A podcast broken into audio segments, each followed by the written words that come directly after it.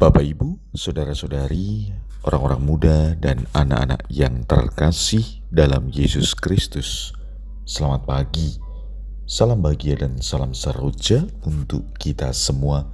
Berkah dalam bersama dengan saya, Romo Antonius Gerbito Pambu Haji, menyampaikan salam dan berkat Allah yang Maha Kuasa dalam nama Bapa dan Putra dan Roh Kudus. Amin. Hari ini Rabu 2 Agustus dalam hari biasa pekan biasa ke-17. Bacaan pertama dalam liturgi hari ini diambil dari kitab Keluaran bab 34 ayat 29 sampai dengan 35. Bacaan Injil diambil dari Injil Matius bab 13 ayat 44 sampai dengan 46.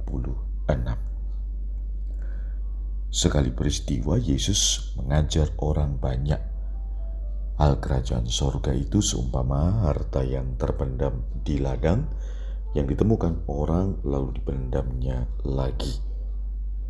Karena sukacitanya pergilah ia menjual seluruh miliknya lalu membeli ladang itu. Demikian pula hal kerajaan sorga itu seumpama seorang pedagang yang mencari mutiara yang indah. Setelah ditemukannya mutiara yang sangat berharga, ia pun pergi menjual seluruh miliknya, lalu membeli mutiara itu.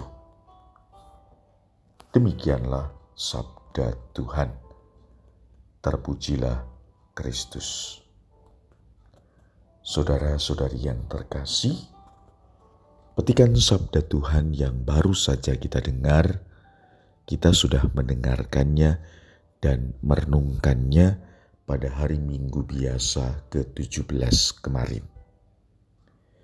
Maka hal ini mau mengajak kita untuk kembali merenungkan hal yang sama.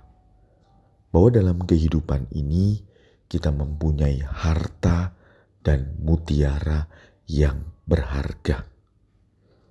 Misalnya, keluarga Harta mutiara yang berharga ini kita perjuangkan dalam kehidupan kita.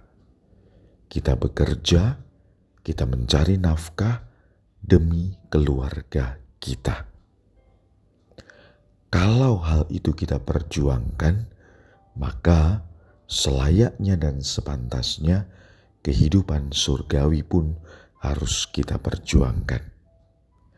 Lewat permenungan sabda Tuhan, lewat ekaristi, devosi adalah bagian dari upaya kita memperjuangkan untuk mendapatkan harta surgawi itu. Marilah kita berdoa. Ya Tuhan, semoga kami dalam kehidupan ini memperjuangkan apa yang paling berharga dalam kehidupan nantinya berkat Allah yang Maha Kuasa, dalam nama Bapa dan Putra dan Roh Kudus. Amin.